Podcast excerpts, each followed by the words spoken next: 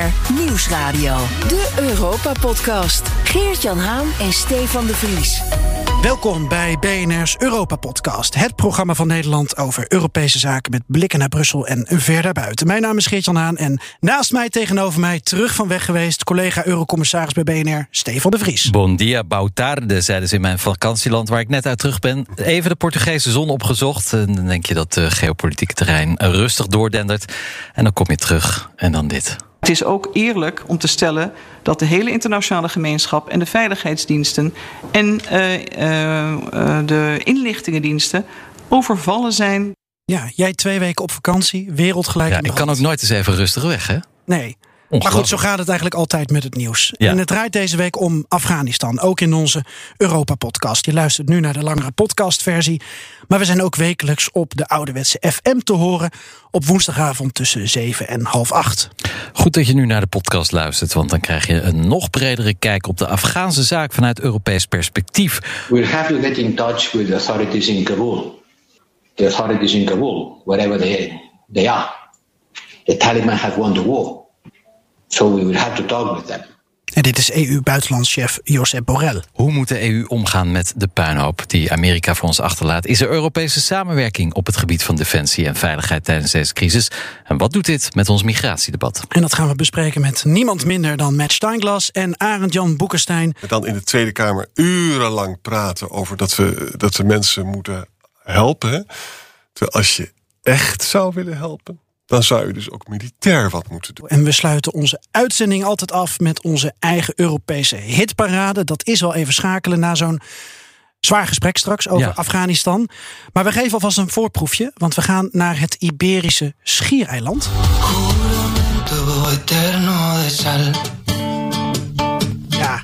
Ja, ik, ik mis het, Portugese strand alweer. Maar goed, uh, ik heb zo'n vermoeden. Oké, okay, heel goed. We beginnen deze uitzending met onze vaste prik, namelijk Ranking de Vaccins. Nou, Stefan, aan jou dan de eer om weer de man van de statistiek te zijn. Toch ook wel benieuwd of je na 2,5 week vakantie dan schrikt of positief verrast bent door de percentages. Ja, ook tijdens mijn vakantie heb ik de statistieken wel bijgehouden. Ik kan het niet laten. Ga eens een boek lezen, man. heb ik ook gedaan over statistiek van Tim Harford. Nee, Daar kunnen nee. we nog een keer over hebben. Jazeker, heel leuk boek. Uh, maar eerst even terug naar de feiten. In de Europese Unie heeft nu 74% van de volwassenen op zijn minst één prik gekregen. En volledig gevaccineerd is dat 64%. Deutschlands. Dat is in beide gevallen eigenlijk nauwelijks hoger, een procentpuntje, dan de week ervoor. Nederland doet het iets beter. Hier heeft naar schatting 84,6% van de inwoners één prik gekregen. Dat cijfer beweegt eigenlijk helemaal niet meer. Dat is dus het fameuze plafond waar we het al een paar keer over gehad hebben de afgelopen twee, drie maanden. Volledig gevaccineerd, uh, dat gaat wel wat beter. Het was 71% en nu is het 75%. Dus driekwart van de volwassen, volwassenen heeft nu um, een, twee prikken gekregen. Een flinke sprong dus. Um, ja, dat zijn de cijfers van deze week. En je komt net terug uit Portugal. Ja. Beetje immuun gebleven daar? Zeker, want dat uh, tot mijn verbazing. Nederland en België voerden de ranglijsten aan de afgelopen twee maanden. En nu staat Portugal helemaal bovenaan. Met respectievelijk 89% en 79%. Heel goed hebben ze het gedaan. Uh, Spanje zit daar niet heel ver vandaan. En dus in die twee landen, Iberisch Schiereiland eiland bijna de groepsimmuniteit van 90% Als die tenminste nog geldt. In Ierland zijn ze daar net overheen. 90,2% heeft minimaal één prik gekregen. Um, maar toch, ja, Portugal doet het dus heel goed. Maar ik vond eigenlijk toch nog best wel veel maatregelen uh, die van kracht waren in Portugal. Maar twee mensen in één taxi. Uh, je corona-check-app laten zien alleen in het weekend in een restaurant. Ook toch nog wel veel mondkapjes. Maar toch, ze doen het heel goed. Dat is toch allemaal niet zo verschrikkelijk als ik dat zo van jou hoor. Nou ja, in Nederland is bijna niks meer van kracht. Dus uh, ja. Nog één maand, hè? Freedom Day komt eraan. Ja. Het is aangekondigd. Eurocommissarissen Haan en de Vries houden de Brusselse zaken scherp in de gaten. Dan het vaccinnieuws van deze week. Eerder in de Europa-podcast hadden we het over de vaccinverkoop van het ene Europese land naar het andere.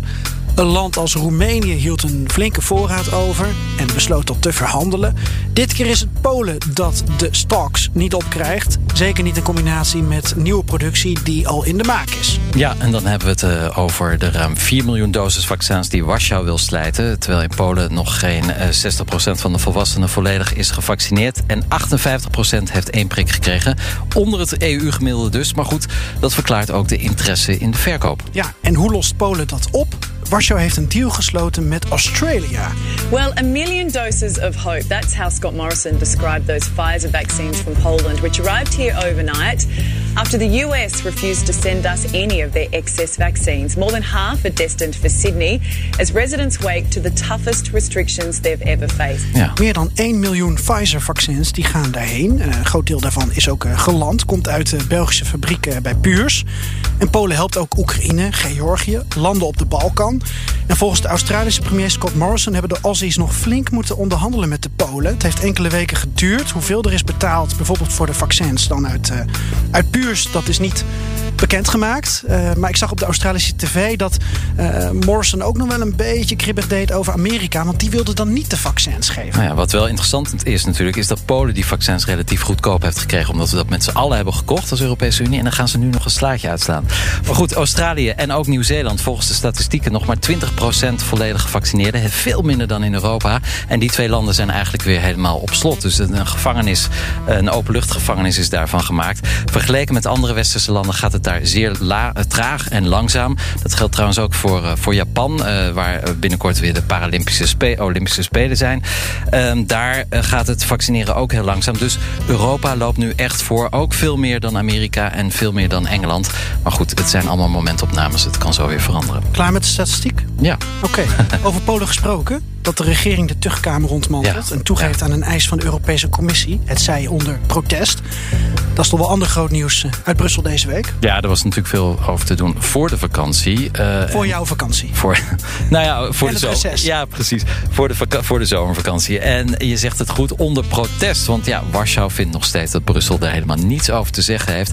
Maar tegelijkertijd doen ze nu wel wat de commissie van hen- vraagt. Eh, dus wat dat betreft kun je constateren dat Warschau Brussel toch wel erkent.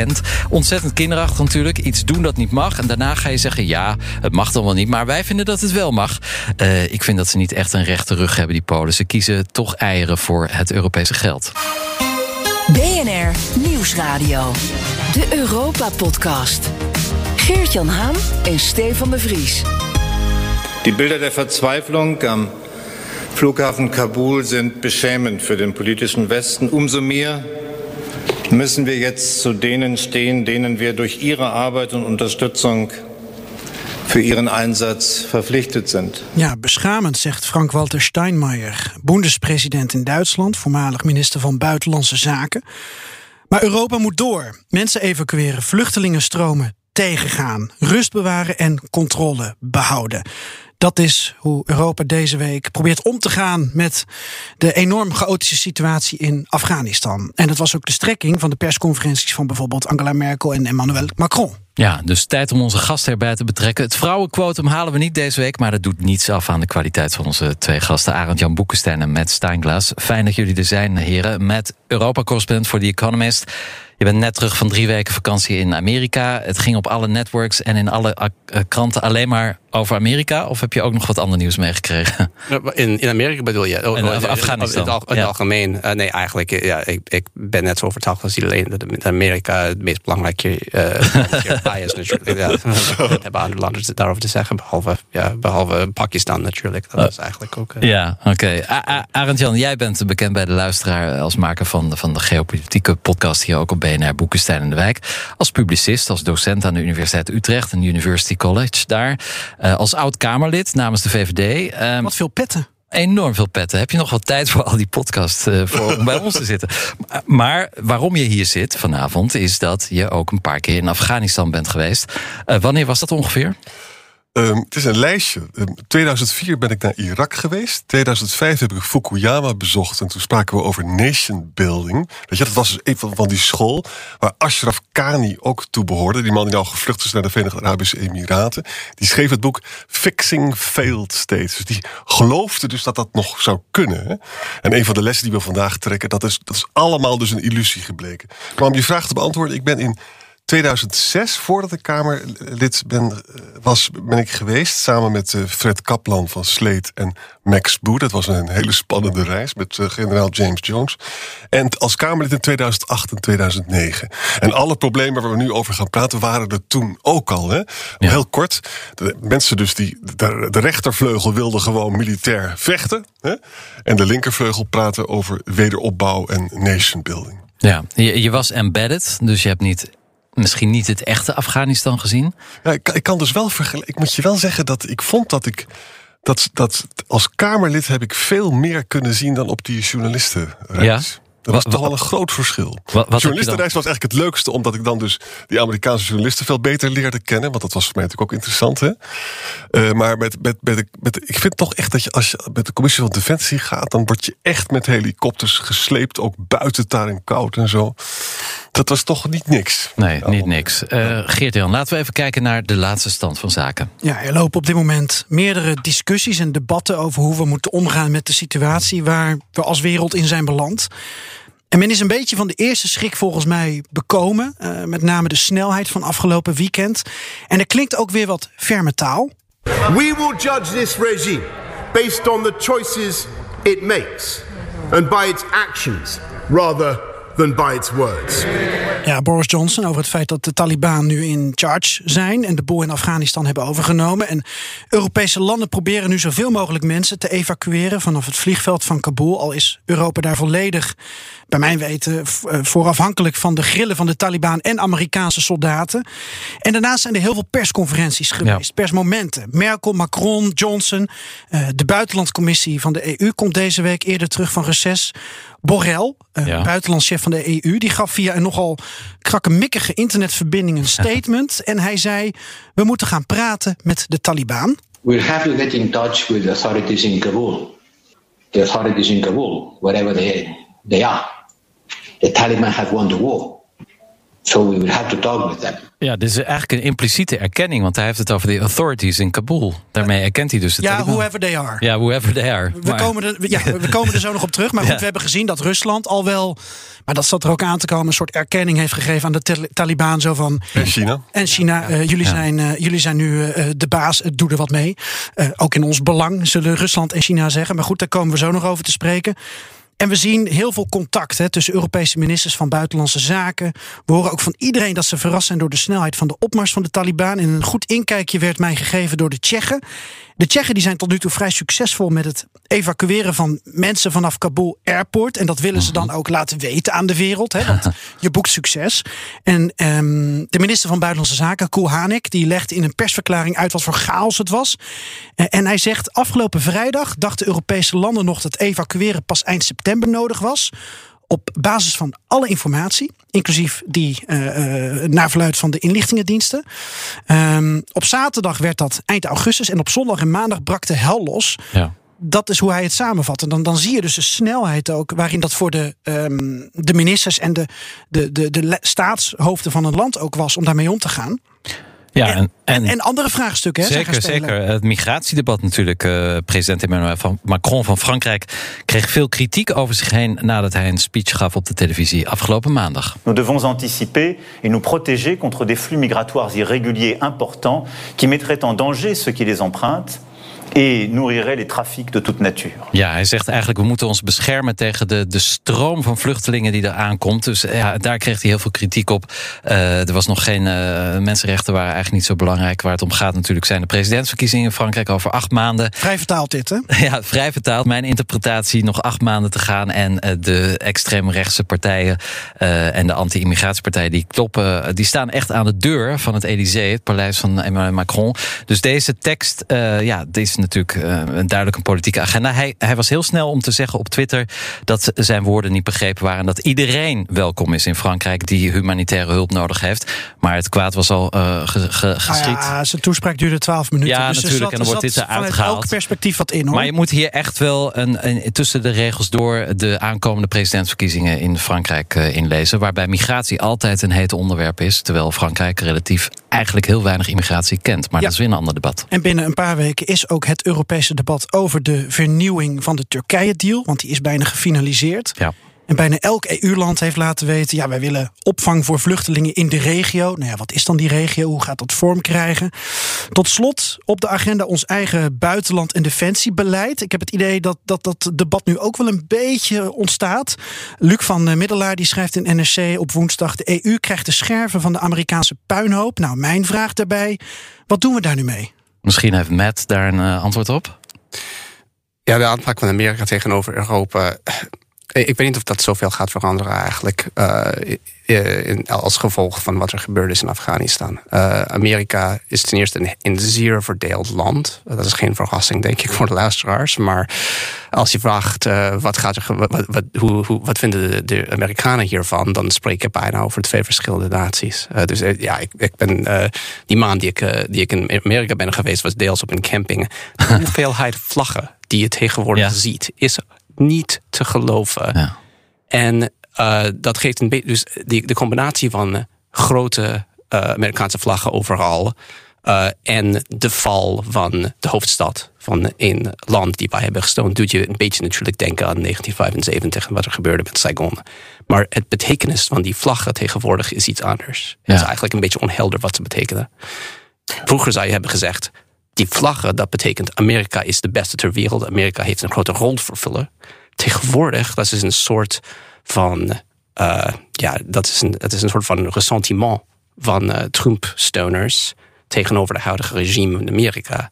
Dus dat, is, dat, dat, betekent dat de helft van de Amerikanen zeer, isolas, uh, zeer isolationistisch. isolationistisch zijn geworden. Dat is een dat is een herhaalde neiging in de Amerikaanse politiek. Ja, maar en de Amerikanen gaan nu weg. Uh, of, of, dat was aangekondigd natuurlijk. Eigenlijk vrij snel, uiteindelijk toch nog. Na jarenlang twijfelen. Kun je zeggen dat, dat Amerika nu, nu eindelijk niet, niet de Afghanen niet alleen een lot overlaat, maar ook de Europeanen, want de, de, de stromen komen hier naartoe. Uh, nee, ja, nee, we, we moeten nog, nogmaals, we moeten praten over verschillende, over ja. verschillende onderdelen van Amerika. Wat Joe Biden dan? Wat, die, wat Joe Biden gaat doen?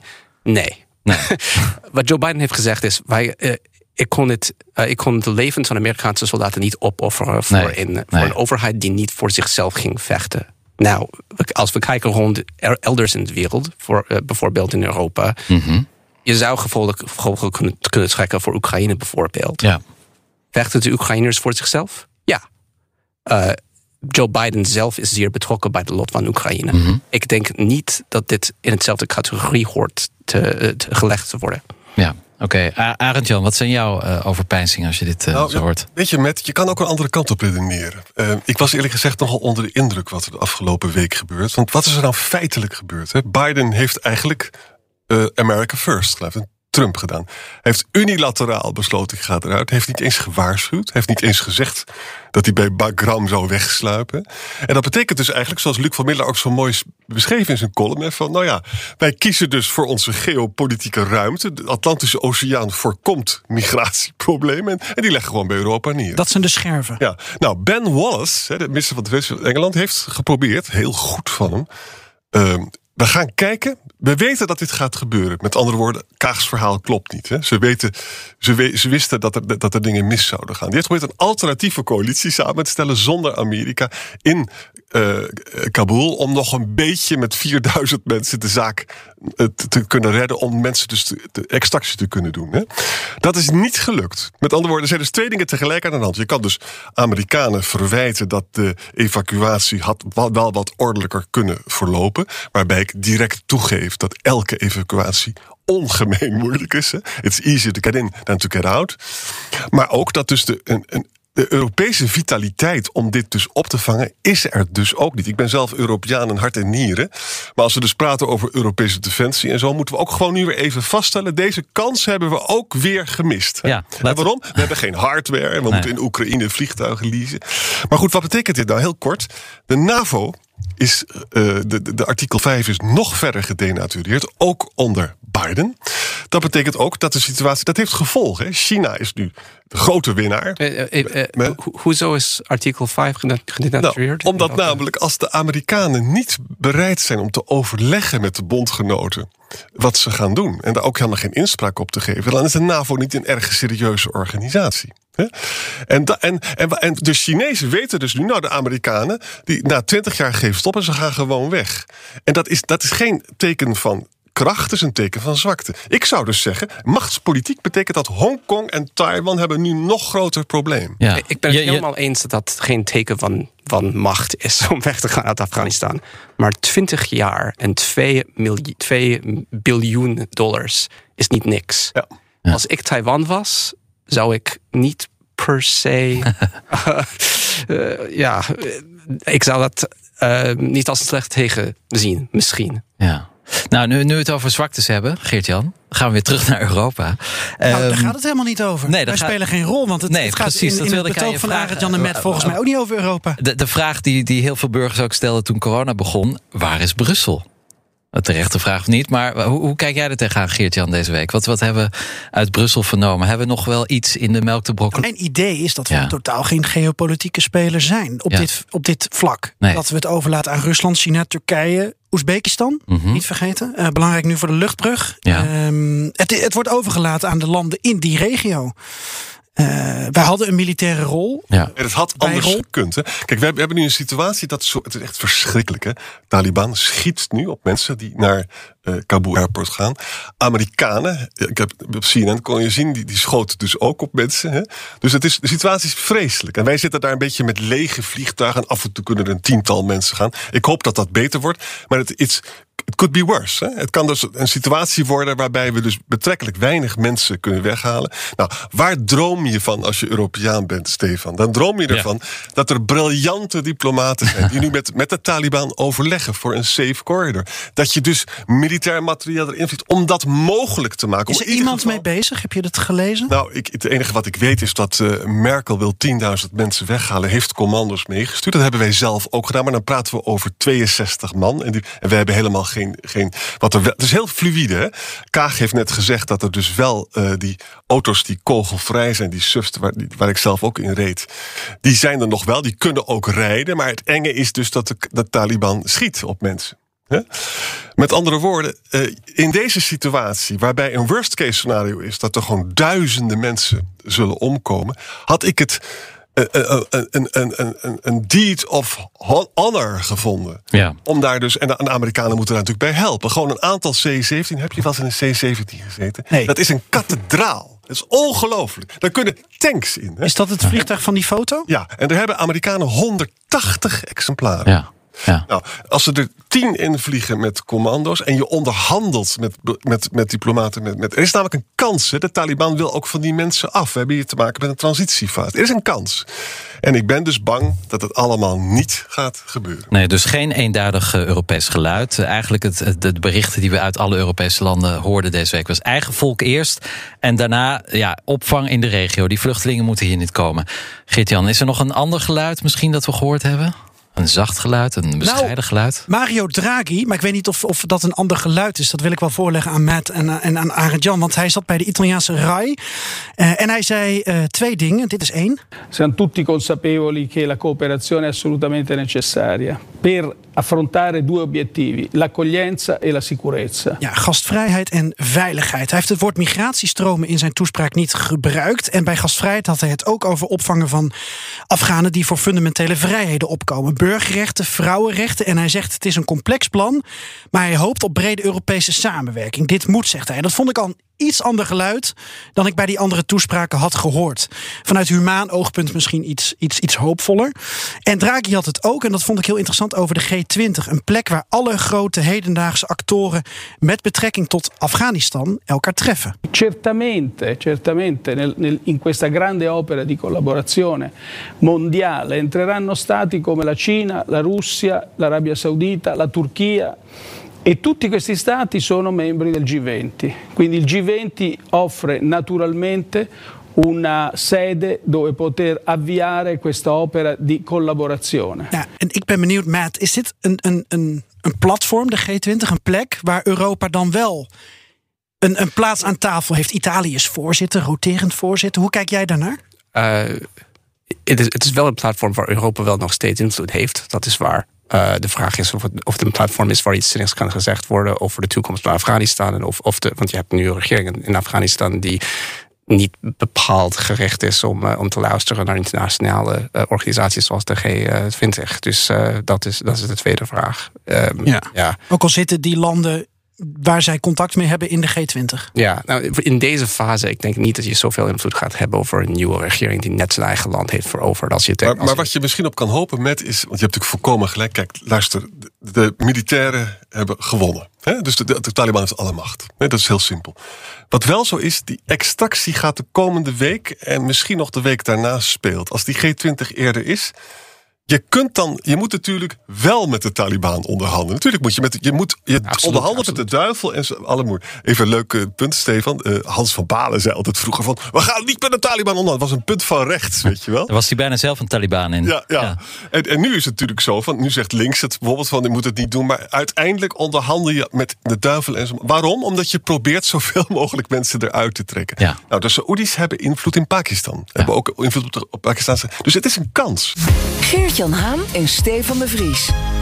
Jozef Borrell, de baas van de Europese Buitenlandse Dienst, die zegt: we moeten gaan praten met de Taliban. Doelt Borrell dan op Brussel en de Europese Commissie of op Europa als continent? Arend Jan Boekenstein? Ja, dat is het eeuwige, Ja. het eeuwige punt. Hè.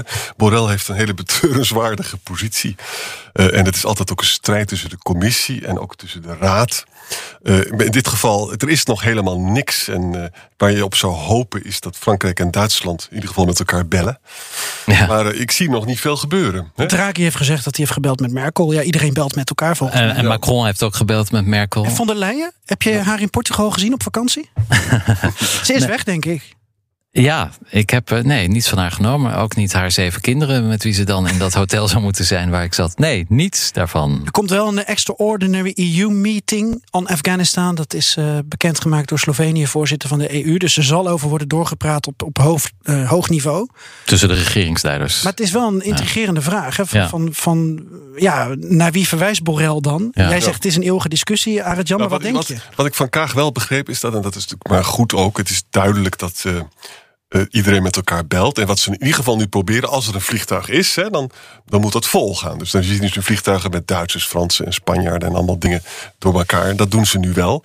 Alleen het echte grote probleem, en dat maakt het ook zo verdrietig, is dat gewoon de hele toevoer naar eh, airport Kabul is een grote puinhoop. Dus een worst case scenario, nogmaals, is dus dat met vliegtuigen, dat mensen gewoon niet er doorheen kunnen. Nee. En wat er dus nu heel erg nodig is, is overleg met de Taliban en met de Amerikanen en met de Europeanen. En proberen dat uit te onderhandelen dat er mensen mogen gaan. En dat, maar dat zal je militair ook moeten beveiligen. En daarvoor moeten er dus ook weer vluchten in.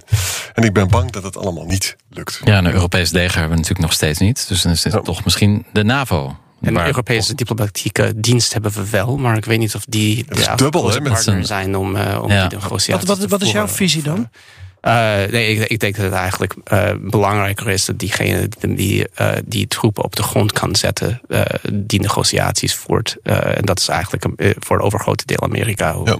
Dus, maar, ik- en ik denk dat eigenlijk hun best te doen om tenminste de veiligheid van de, van de vluchthaven te garanderen. Dus dat, dat, aan de andere kant, Amerika is ook de grote vijand van, van de Taliban. Dus het is misschien moeilijker voor hen om te negociëren met, met de nieuwe eh, Ja. victors. Van, Ja. Ja. Ik, vind het wel fascinerend, want eh, de Taliban heeft zich, zo heb ik dan gelezen, want ik ben geen Taliban-kenner.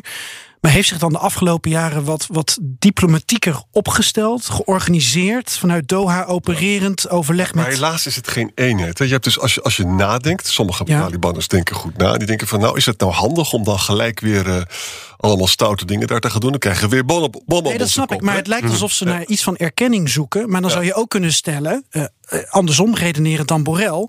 We gaan niet met ze praten, want dan geven we ze ook niet de erkenning. Ja, nee, maar, maar, luister eens. Dat zijn allemaal luxueuze overwegingen die we allemaal niet meer hebben. Oh, ja, ik precies. ik, laten we het nou eens door Chinese bril kijken. Dan gaan Ja. we dus door een totaal klassieke balance of power bril kijken. Nou, China heeft gezegd van... hé, hey, we hebben natuurlijk een grens met Afghanistan. Dat is Xinjiang, waar de Uyghurs, de Oeigoeren, zitten. Ja. Ze hebben gezegd tegen de Taliban: luister eens, die, er zitten ook Oeigoeren bij jullie. En dat zijn allemaal hele akelige terroristen. Wij willen, wij gaan jullie miljarden geven. Maar we willen geen glazen met die Uyghurs daar. Nou, die Taliban, die economisch bestuur kunnen ze helemaal niet. Het gaat altijd fout. Die hebben heel veel geld nodig. Dus een deel van de Taliban wil wel een deal met China sluiten. Nou, dat is dus de echte grote wereld. Waarin Europa dus helemaal niets eh, tussen zit. Het enige, de kans die wij nog hebben, is dat de Taliban denken van... nou, we willen wel een aantal mensen kwijt hier. En dat zou dan onze extractie nog kunnen redden. En voor de rest hebben we alles verloren. En dat is nogal ernstig, jongens, want het Westen... dit is weer zo'n moment in de geschiedenisboeken... dat het Westen verder in verval raakt. En als je zegt van dat interesseert me allemaal niet... dan moet je dus bedenken als de afschrikking van het Westen vermindert... dat betekent dat dus in alle posities van de wereld... de andere partij sterker wordt. Hè? Rusland vond het geweldig wat die gebeurde. Rusland was ook het enige land dat nog soldaten in Afghanistan had. Interessant, hè? Die, die worden gewoon met rust gelaten. Hè? Uh, en die vindt het heerlijk dat het Westen weer verzwakt blijft. Hè? Dat betekent ook dat in de Baltische Staten mensen denken van... oeh, dit is toch wel, NAVO is misschien toch ook niet zo sterk. Dat wisten ze al dat het niet zo sterk was, maar dat is nog erger. Taiwan, Hongkong zitten ook te denken van wat gebeurt hier allemaal? Ja. Ik, ik moet zeggen, ik zie niet uh, ik zie het beeld minder donker dan, dan jij, Jan. het is, Gelukkig. Stel me uh, gerust. Ten eerste, ik denk Afghanistan. Het verwijt tegen de oorlog in Afghanistan was altijd: wat zijn onze strategische belangen hier? Niks. Het is, Afghanistan is helemaal, betekent niks voor het Westen. Het is een soort liefdadigheids de, uh, daar, dat, wij, dat wij daar waren om een natie op te bouwen. Omdat we Al-Qaeda weg moesten jagen. En we wilden deze keer niet gewoon weggaan en, het land in verval uh, achterlaten. Uh, dus wat wij hebben in concrete termijnen, wat wij hebben verloren, is heel weinig. Uh, maar met, het, gaat niet zozeer om de... Het is, het, is, het is de imago van het Westen. Ja, het gaat niet zozeer om de strategische positie van Afghanistan, hoewel je daar dingen over kan zeggen. Het gaat om het ongelooflijke prestigeverlies. Want als je daar ja. dus twintig jaar zit. Ja, ja natuurlijk. En het maar, gaat helemaal down the drain. Hè? Maar, en, ja, en we hebben natuurlijk ook dat, kopermijn. Die interventie, ja. in, die interventie in Afghanistan is niet te vergelijken met wat NAVO heeft gedaan in, in Afghanistan. Is niet te vergelijken met NAVO als verdedigingsverbond uh, in, Westen, in, in, in Europa. Dat is een andere ding. Ja, maar weet je hoeveel geld we verbrand 5. hebben in Afghanistan? Ja, ja dat is jammer. Kennelijk had Amerika dat, uh, dat voorover. Maar... Maar, maar dit is wel het gevolg. Je had het net over artikel 5, uh, Matt en uh, Arend-Jan. Dit, dit is direct het gevolg van de enige keer dat artikel 5 werd aangeroepen. Ja, Kok um, heeft dat genoemd, toch? En iedereen heeft het over de Amerikanen. Ja, maar ja. degene die er het eerste zaten met de Amerikanen... nog maar drie weken na 9-11, dat waren de Fransen. Ja. Artikel 5 heeft gewerkt. Ja. ja. Alle, alle bondgenoten van NAVO gingen helemaal naar Afghanistan. Twintig ja. jaar lang. Ja. In, als gevolg van, van 9-11. Dat is, dat is een ongelofelijke prestatie. Dit, Amerika, Amerika heeft zichzelf teruggetrokken uit Afghanistan. Omdat, omdat Amerika het nut van Afghanistan in de kader van de globale strijd tegen terrorisme, wat, wat ook minder belangrijk is dan uh, lijkt, lijkt te zijn dan toen, uh, niet meer ziet. En ja. um, dat, dat is een ander, het is, aan, een heel, het is helemaal een andere vraag. Van, wat gaat Amerika doen als Rusland probeert in te mengen in Estonië of zoiets? Dat is, dat is een andere vraag. Ja, nog steeds bij ons in de studio zijn Arend Jan Boekenstein en met Steinglas. We willen nog even twee dossiers erbij pakken. De Europese buitenland- en defensiestrategie. Uh, en dan de vraag in hoeverre uh, leren we van wat er nu gebeurd is in Afghanistan. Maar ook wat uitgebreider. De Turkije-deal. Want Geert-Jan, tijdens mijn vakantie had je daar twee weken geleden al een uitgebreide uitzending over. Het is een aardig voorzetje voor de rest van ons. Ja, en hiermee lukt het misschien uh, om, om het wat meer over Europa te hebben. Want ja. ik vind het echt fascinerend dat als wij met z'n vieren hier zo praten, hoe makkelijk je eigenlijk het niet over Europa hebt. Het, het, het, bevestigt eigenlijk het idee dat wij dus alleen maar bezig zijn met de scherven. En de scherven zijn dan, hoe onmenselijk dat ook klinkt, uh, uh, vluchtelingenstromen. Uh, en het evacueren van onze eigen mensen tussen haakjes daar. Dat is waar wij nu een rol in spelen. En een beetje democratisering, een beetje NGO's overeind houden. Het gaat over hele andere dingen. Nou ja, uh, die Turkije-deal dan. Uh, had ook te maken hè, dat dat een paar weken geleden ging spelen. Maar wat de Nederlandse polit ja, politiek eigenlijk helemaal niet zo benoemde.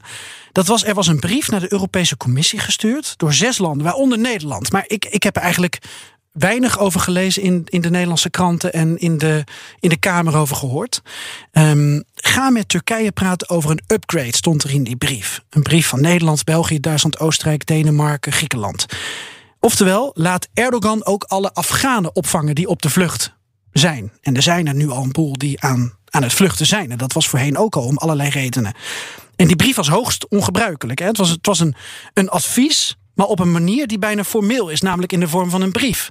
Ja. En dan kun je niet anders stellen dan dat daarmee toch een formeel standpunt door die zes landen is, is ingenomen. En we weten dat er een nieuwe deal vanuit de Europese kant wel gaat komen. hè, vanaf september ongeveer zal daar wel uh, weer over gesproken worden. En dan ergens, ik denk Matt, begin volgend jaar dat, dat die Turkije-deal moet zijn afgerond. Weet jij er iets van? Nee, ik weet het uit. Nee, dat, dat, dat weet je nooit met Brussel. um, maar uh, de vraag is hoe Erdogan natuurlijk gaat reageren. En, en er zijn zoveel verschillende belangen. Stefan had het er al over. Je hebt verkiezingen in Duitsland, in Frankrijk, Oostenrijk. Kampt met de naweeën van incidenten met Afghanen. Uh, Griekenland heeft al veel vluchtelingenkampen. Denemarken, Nederland, België, een regering met een vrij streng asielbeleid willen op rechts niet ingehaald worden. Ja. België kan dat bijna niet rechts, maar goed. dus ik ben wel benieuwd, wat gaat nou leidend zijn voor ons vluchtelingenbeleid. Nou, laat, om het even een beetje ja, eenvoudiger te maken. Hè, van, uh, dit is Europa, dat is niet eenvoudig. Nou ja, het verschil tussen links en rechts is betrekkelijk klein op dit gebied. Hè. Merkel heeft gezegd, nou, 10.000 mensen wil ik doen. Hè. Canada 20.000. Frankrijk is, zoals Stefan terecht zegt, heel zuinig. Ja, Heel zuinig. Je, moet, je, weet ook, je wil ook niet weten wat er tussen de Italiaanse en Franse grens allemaal aan blokkades nee, plaatsvinden. Absoluut. Goed, als je het een beetje bij elkaar optelt...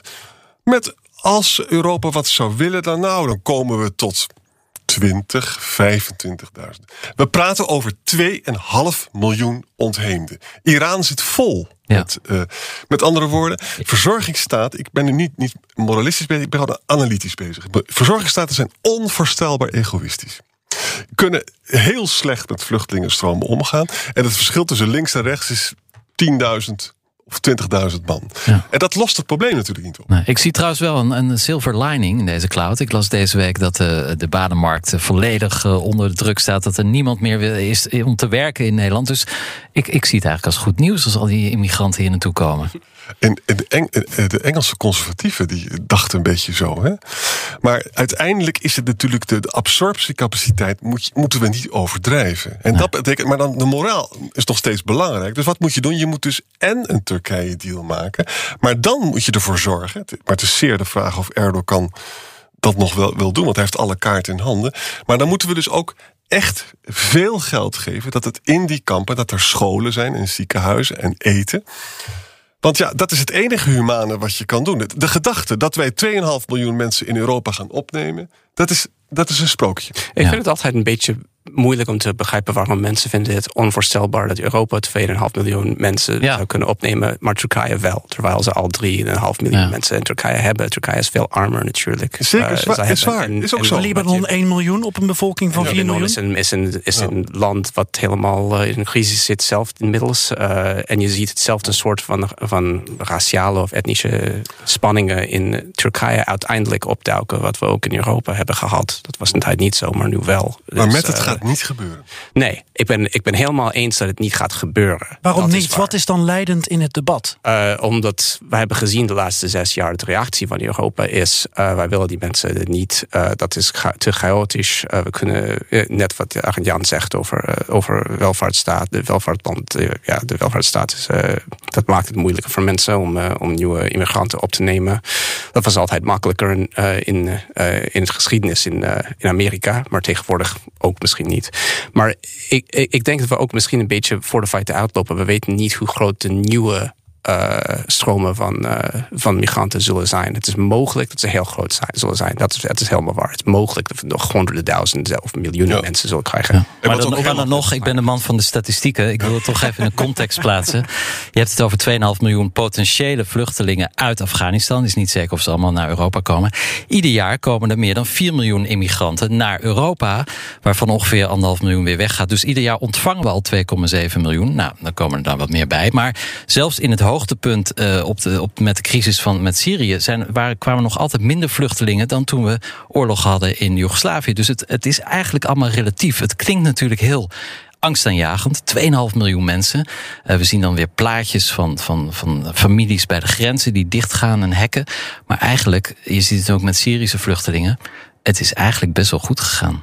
Maar dat is, eh, die statistiek klopt die je zegt. En het is ook belangrijk om dat steeds weer te benoemen. Maar ik weet je, ik praat met mensen ja. politiek en ook bij de Europese Commissie. En hun grote angst, als, als je veel wijn erin schenkt. als we dit doen, dan wordt de AFD nog groter. En dan wordt Le Pen ja. president. Ja, en dat is natuurlijk niet helemaal onzinnig, jongens. Nee, het, Is, het is een politieke probleem. Het is niet zozeer een economisch of een... Maar uh, is dit dan niet een kans om bijvoorbeeld um, Frontex om, om het verbeteren van Frontex dan eens de allerhoogste prioriteit te geven. Als Ja, je dat- dus dat, dat vond ik eigenlijk een interessant punt aan Macron. Zijn, eh, zijn betoog was wel gericht op het, eh, het voorkomen van, van, van veiligheidsproblemen. Maar hij zei ook, we moeten een gezamenlijke Europese mi- migratieaanpak hebben. Ja. En dat verschilt van bijvoorbeeld Oostenrijk, die helemaal geen gezamenlijke Europese... eh, die al wel heel veel. Afghaanse vluchtelingen hebben. Eh, ja, ehm, dat is waar. Maar, Maar goed, eh, dat is geen beleid. ja. Nee, nee, maar ja, dat, eh, de vraag is of zeg maar, ik weet niet waar Hongarije op deze vraag staat, maar ik neem aan dat het hetzelfde antwoord gaat zijn als, als vroeger. Eh, dus ja, eh, dat, gaat, dat is ook een, een soort splijts van wie, wie wil dit op Europees niveau aanpakken, wie wil het overlaten aan. Maar wat, wat mij verbaast is dat er geen partij zegt: we hebben die mensen gewoon nodig. En straks het land in Europa met de meeste immigranten wordt straks het meest succesvol. Want in- ja, in Frankrijk is heel veel werkloosheid. Dus ik begrijp wel dat mensen dan denken dat die mensen komen om hun banen te stelen. Maar in Nederland, we, we moeten smeken of die mensen alsjeblieft hier komen. En dat is een trend die alleen maar groter zal worden. Met de veroudering van de Europese bevolking. Dat zijn allemaal mensen die straks de onderbroeken gaan ver- verschonen van onze ouders of onze grootouders. Dus zou dat niet een interessant standpunt zijn voor, Ja, voor een partij? Maar, maar Kom dan maar moet je wel dit bedenken. Van de, er zijn die, kijk, bijvoorbeeld, ik spreek wel eens met Afghaanse artsen. Hè? Ja. En, en die moeten, weet je hoe wij daarmee omgaan? Onze universiteiten zeggen, nou, dan moet je eerst gewoon zes jaar hier Ja, zitten. Ja. ja, ja, nou, dat precies. is ook heel gezellig allemaal. Ehm, ik, ik ben het met je eens dat zeker mensen die eh, eh, in feite honoreren, dat we moeten zeggen dat de absorptiecapaciteit eigenlijk veel groter zou zijn dan de politiek voorstelt. Dat is Ja. één. Hè? Ja. Maar jongens, politiek ligt dit zo ontzettend tuurlijk. moeilijk. Tuurlijk. Ja. En, en dan ben ik zelf. Kijk, en dan nog iets anders. hè. Ik hou ervan om de dingen te benoemen zoals ze zijn. Niet omdat ik het mee eens ben, maar omdat ik gewoon ik wil eh, down to earth. Hè. Eh, Turkije heeft de tent afgesloten. Hè? En Ja. helemaal. Hè? Dus Ja. hij kan ook besluiten, er komt niemand door. Ehm, we hebben nu een Griekse conservatieve regering... die ook behoorlijk met pushbacks zeer effectief bezig is. Hè? Eh, de Balkan zit vast. Bulgarije doet pushbacks, Bosnië Ja. doet Ja, pushbacks. dus ik, ik hou ook rekening met scenario's dat dus de kampen buiten Turkije, die al over over vol zitten, dat die knalvol. En wat ik dan in ieder geval zou willen, is dat onze bijdrage aan de UNHCR, die overigens voor Nederland heel hoog is, hè, Ja. maar dat we die nog hoger maken. Want het kan toch niet zo zijn dat we dan mensen laten barsten daar. Nee. Absoluut. Ja, en we moeten ook onderstrepen dat die pushbacks, dat is volstrekt illegaal. Ja. En dat is gaande. Elke, elke dag eh, doet de overheid van Griekenland en de overheid van Bulgarije en andere landen ook dingen die internationaal gezien illegaal zijn. Ja, En maar die is- ons wel mooi uitkomen. Want zij Ja, knappen het vuile werk op. Ja. En wij hoeven eh, dat niks te doen hier in Nederland of in Duitsland of in Frankrijk. Ehm, laten we het even met hebben over ehm eh, jij als halve buitensta- buitenstaander. Hoe kijk je naar de rol van Nederland in, in, in Afghanistan? Want ook Nederland zat eigenlijk volgens mij een half jaar na 9-11 waren er al Nederlandse troepen. Ehm, heel lang daar gezeten. En, en nu?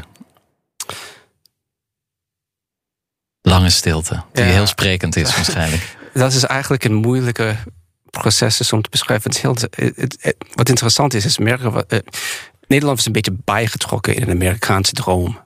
Ja. Eh, de Amerikaanse droom- Amerika heeft een herhaaldelijk patroon van dit soort pogingen, messianische pogingen om iets te, om, om de wereld te verbeteren, om een land over te nemen en tot een democratie te, te vervormen.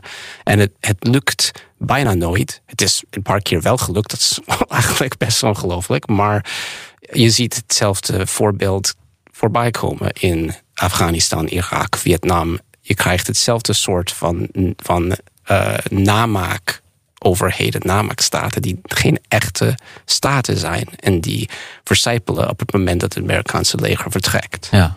Uh, en Nederland heeft de Amerikaanse visie van 2001 een beetje overgenomen. Wat gaat er worden tijdens. Wat, wat ga, waar gaat het over in de wereld uh, na 9-11?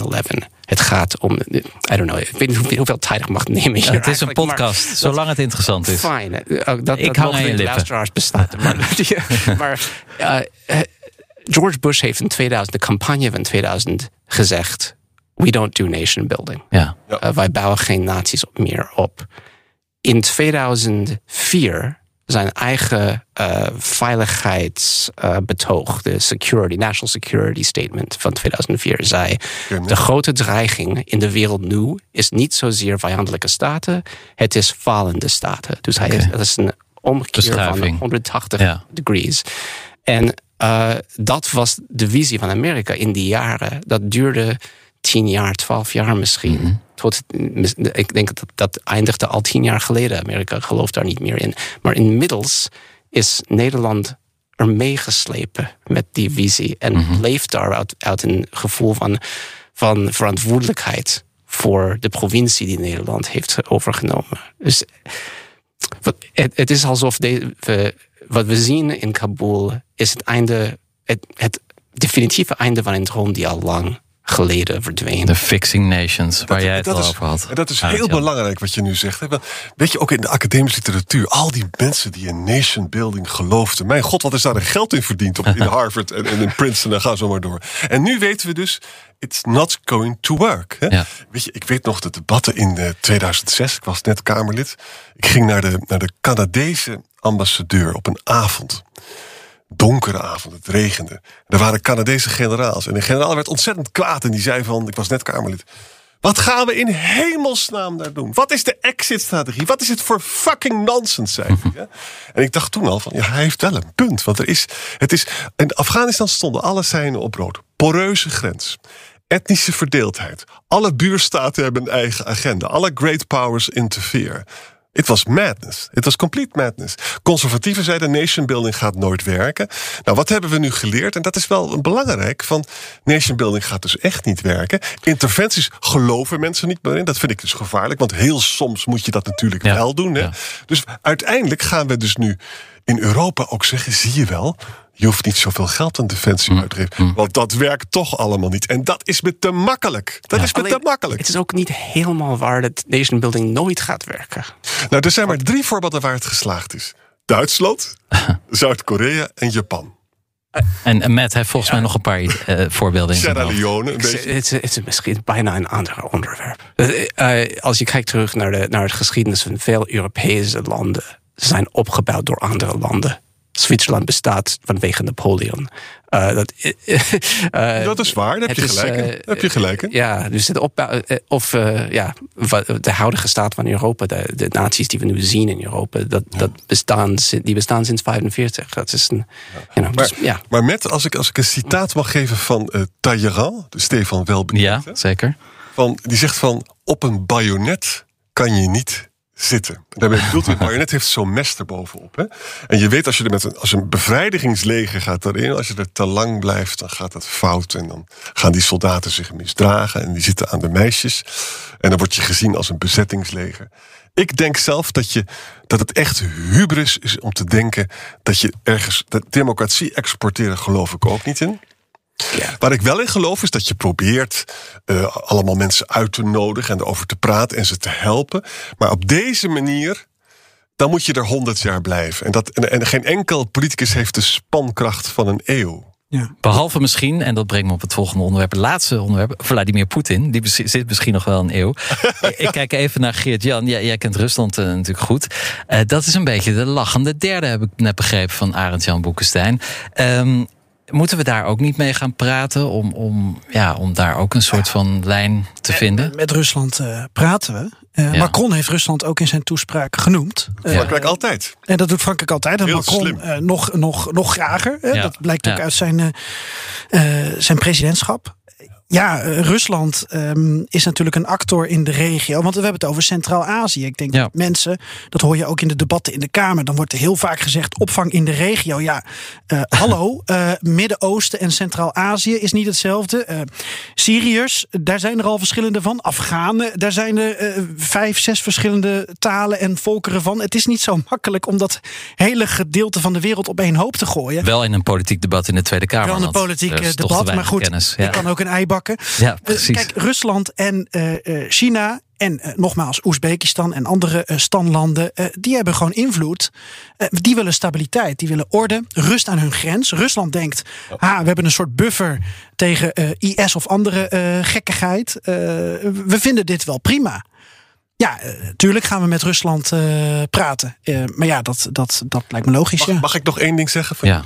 Eh, Met heeft, zegt wel heel terecht die nuance van soms is het wel gelukt. Hè? En, ik, en ik vind dat Met daar een punt heeft. Eigenlijk is het zo, als je niet interveneert, you're damned. Het voorbeeld is Syrië. De Syriërs zijn heel boos dat we te weinig hebben gedaan. Hè? Ja.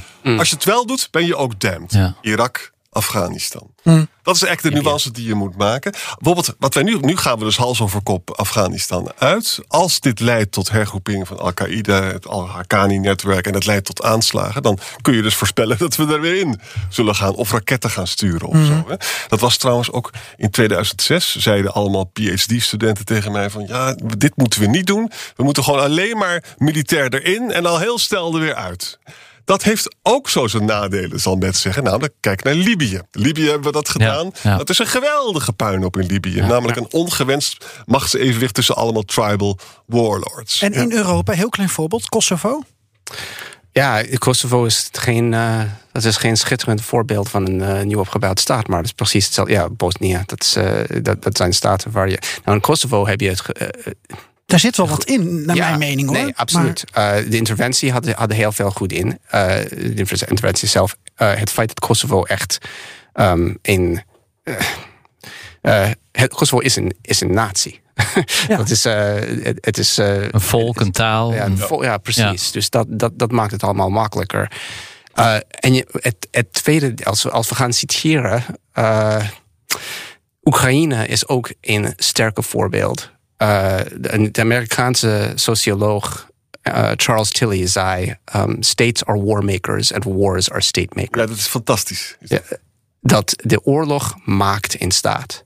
Oekraïne, of, het, of het vroeger een aparte volk was, een aparte staat was, is te- dat is zoals met, met de helft van de Europese staten te, je af te vragen. Maar het is nu in staat, Ja. vanwege die oorlog. En daar heeft het wel zin om, eh, om in te zitten. Ja, Ja. dat is heel Dus never waste a good war, kan ik er ook uit afleiden. ik zat nog met één, één vraag, jongens. Ik was namelijk benieuwd. eh, er is zoveel emotie deze week. In Europa ook. eh, in de Tweede Kamer. We zien huilende Kamerleden. eh, ook omdat ze zelf veteraan zijn geweest. Maar kijk, ik ben 35. Ik ben jonger dan jullie. Maar ik heb eigenlijk eh, niet eerder meegemaakt dat er zo emotioneel als deze week in heel veel Europese landen is gesproken op allerlei niveaus. Hè? Ook, ook met, met vrienden onderling. Ja. Gewoon op straat, eh, in de politiek, in de media. Over een land hier ver vandaan. Ik ook. Dat vind ik vrij bijzonder. Ik, ik vergeleek het een beetje met 1989. Dat is natuurlijk heel anders. Maar dat vond ik ook een dramatische gebeurtenis in mijn leven. Echt. Ik ben De val van de muur voor de jongere luisteraars. Die die referentie niet hebben. en naartoe gegaan. Ik vond dat zo bijzonder. Maar dit vind ik ook echt een hele belangrijke. En wat ik een beetje triest vind, als ik dat nog mag zeggen... en veel mensen zullen boos op me worden... ik kan het zo moeilijk verkroppen... maar dat ligt misschien aan Arend Jan, hoor... dat we dan in de Tweede Kamer urenlang praten... over dat we, dat we mensen moeten helpen. Terwijl als je echt zou willen helpen... dan zou je dus ook militair wat moeten doen. Ik denk Ja. niet dat het heel moeilijk is... maar dat die, daar niemand praat daarover. En ben je dan eigenlijk een ho- honorable man? Wat is nou eigenlijk moraal zonder ook een beetje macht? Dat is, ja, misschien snij je dit later uit, maar dat is een beetje een Nederlandse ziekte. Ja, dat, is een eh, Nederlandse ziekte. Is Nee, dat. ik er zeker niet uit. Hollanditis. Dat is, een, dat is echt een Nederlandse ziekte. En ik schaam me daarvoor. De, de Amerikaanse nachtmerrie is Saigon en de Nederlandse nachtmerrie is eh Srebrenica. Exact. Ja, En- precies. En de emotie. Matt, herken je dat? Dat er met heel veel emotie deze week is gesproken, wat vrij on-Europees misschien is? Uh, ik ben net enkele dagen terug. Uh, en het is net, ja, het is net gevallen, dus deze week. Ja, uh, ja. Nou, ik, vind de toon in de Tweede Kamer veranderd ook eigenlijk. Dat, die, opeen, dat er opeens partijen zijn die durven hardop te zeggen: nee, we moeten meer mensen verwelkomen. Uh, wij hebben een ver- verantwoordelijkheid tegenover deze mensen. Uh, ik vond het heel, heel tekenend dat um, uh, Caroline van der Plas van positie veranderde Ja. over twee dagen. Want nou, ze is een- is een goede politicus. en zij kreeg meteen het gevoel van... oh, eigenlijk moet ik, uh, moet ik achter deze mensen staan. Kennelijk wilden wilde de kiezers dat ik uh, de mensen die bij de ambassade hebben gewerkt... Ja. Ga uitnodigen in plaats van... Dus jij schrijft over, uh, over de boer-burgerbeweging in The Economist. Zal ik doen. En, en hoe wordt dat dan vertaald? ja, ik, ik, uh, wij hebben daar een uh, kort gesprek over gehad op Twitter, denk Ja. ik. Dat, uh, ja, ik zou kiezen voor de, de Citizen Farmers Party of de Farmer Citizens Party. dat is een heel goede, een heel interessante Amerikaanse partij in de, in de progressieve epoch. De Farmer Workers Party in Wisconsin. Dit even als zijpaadje. Ja. Nou, eh, ik vond het een heel boeiend gesprek. Ik dank jullie allebei eh, met Stijn Glas, Europa-correspondent voor The Economist. En Arjen Boekenstein, oud-politicus, publicist, docent en ook bekend van de BNR-podcast uh, Boekenstein en de Wijk over allerlei geopolitieke affaires. Ook een aanrader. Maar goed, we sluiten zoals iedere aflevering uh, af met een stukje Europese hoogcultuur. De nummer 1 in. Deze week gaan we naar het land waar ik met vakantie was: Portugal.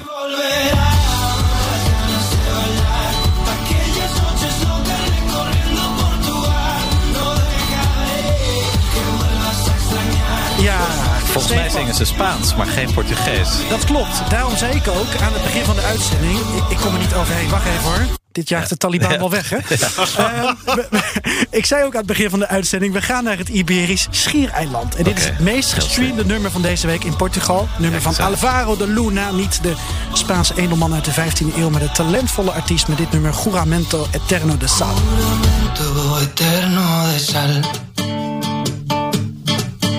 Nou, wie verliefd is op deze fantastische poprock, die kan eh, luisteren naar onze playlist op Spotify. Even zoeken op BNR Europa nummer 1. De link staat ook in de show notes. En daar staan alle nummer 1 hits die je hoort in eh, BNR Europa. Eh, dit was het weer, BNR Europa voor deze week. Ja, eh, de podcastversie. Maar we zijn ook elke week op FM te beluisteren op BNR Nieuwsradio. Elke woensdagavond tussen 7 en half 8. Dank voor het luisteren voor nu. Volgende week zijn we er weer. Ajato. À la prochaine. Leuk was het.